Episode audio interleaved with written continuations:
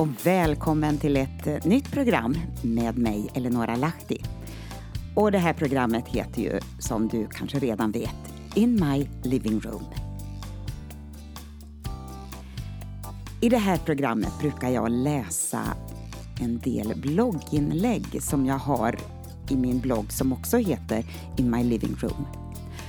Och idag så har jag en bild på påskris med vackra härliga färger utav eh, alla de här påskvipporna som man brukar ha, ha i riset. Och jag vet inte hur du har dekorerat där hemma. Visst är påsken en sån här härlig tid där eh, det är inte allt för mycket måsten sådär som man kanske många gånger kan uppleva vid jul.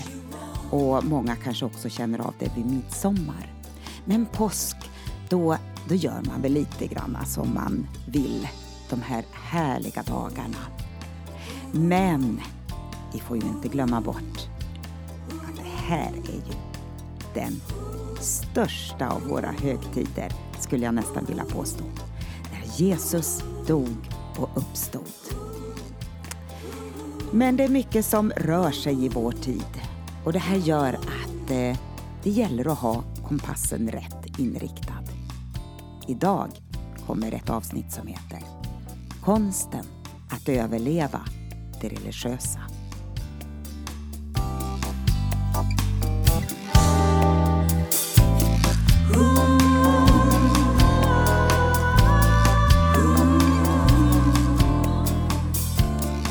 Ja, nu har jag gått på högvarv en tid här i vår. Eller vårvinter ska vi väl säga. Så det här med påsklov, det är ju faktiskt inte helt fel. Jag har haft nationellt prov i kemi med mina elever och rättningen utav de här proven, ja, det är en historia för sig. Tänk om alla elever kunde skriva precis som rättningsmallen föreslår. Det finns så många varianter av resonemang och förklaringar. Ja, man blir helt trött. Och en del tror att man bara, om man bara skriver mycket så får man poäng medan andra får till det på två rader. Och det, det blir A-poäng. Ja, det gäller att förstå begrepp och använda dem rätt. Och förstå att eh, lösningen inte är problemet som många trasslat in sig i och vänt uppgiften helt bak och fram. Det är då helt uppenbart att man inte läst och förstått informationen i uppgiften. Och ja, då blir inget rätt, trots alla långa väl, välformulerade meningar. Mitt i allt rättande under flera dagar så plockade jag fram en bok som jag började läsa i somras. Konsten att överleva Svenska kyrkan av Helena Edlund. En lättläst bok till att börja med. Men sen kom jag in i resonemang, sammanhang och personer som gjorde ett och annat lite svårgreppbart och boken fick vila. Nu, nu är jag igång igen och inser att det inte bara är kyrkan det handlar om. Starka politiska och religiösa krafter som legat i bakgrunden och styrt. Ja, de har nu klivit fram helt orädda. För att diktera den agenda som ska gälla för Sverige. Och vi står och tittar på. Och man undrar, är vi förvånade? Förblindade? Förförda, förlorade eller förhäxade? Små, små förskjutningar av ord som börjar med någon grads missvisning. Och jag ställer mig frågan. Vad och vart ska detta leda till? Och nu ska jag ge er några exempel som lyfts fram här. Man säger från Jesus till Gud. Från Gud till det heliga. Från evangeliet till kristna värderingar. Och från bön till andlighet. Och från efterföljelse till engagemang. Från Kristus till kristen tro. Från lärjungaskap till eh, verksamhet. Och från bekännelse till tolkning. Från synd till brustenhet. Och från ordet,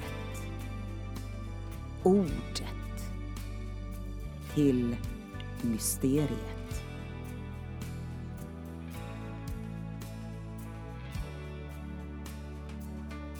Och treenigheten, den har beskrivits som fader och moder.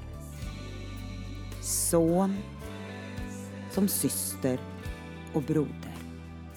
Och ande som livgiverska och inspiratör.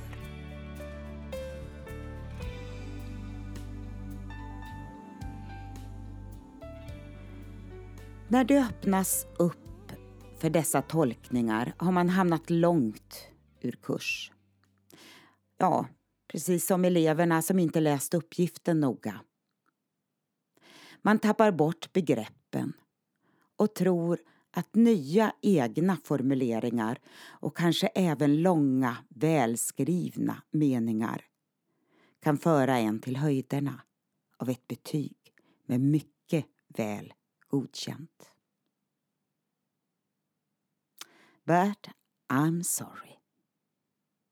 Jag måste meddela.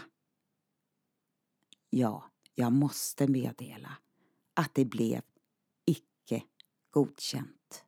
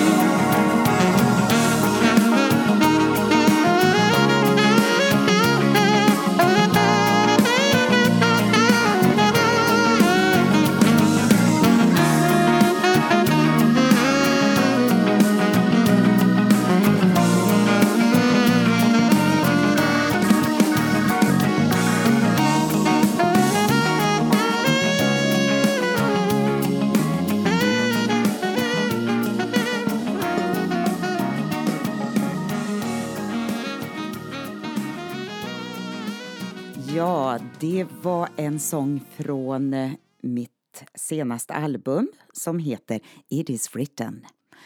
Och på saxofon, ja, det är en härlig musiker som heter Peter Norbert som var med och spelade. Och jag vill bara önska dig en god fortsättning på den här våren nu. Och jag tänkte vi, vi ber tillsammans innan vi avslutar det här programmet också. Så bara gå med mig i bönen och släpp allt det där andra runt om dig som kanske distraherar och stör dig just nu. Och bara lyft blicken uppåt och se varifrån din hjälp ska komma. Jesus, vi bara tackar dig för den här nya dagen. Och för en del lyssnare så är det en dag som ligger bakom. Och jag tackar dig för att du är med oss när vi vaknar, när vi stiger upp och när vi går till sängs och lägger oss. Du bevarar och beskyddar oss och du tar hand om oss. Och jag tackar dig Gud för att var och en som lyssnar just nu ska lyfta blicken uppåt mot dig vi har många olika omständigheter och situationer som kanske stör och plågar och irriterar och allt vad det kan vara frågan om. Men i allt detta så får vi vända oss till dig, Gud, och veta att du är vår hjälpare. Du är vår källa till liv och kraft. Så vi tackar dig för att du är med oss, bevarar och beskyddar oss. I Jesu namn.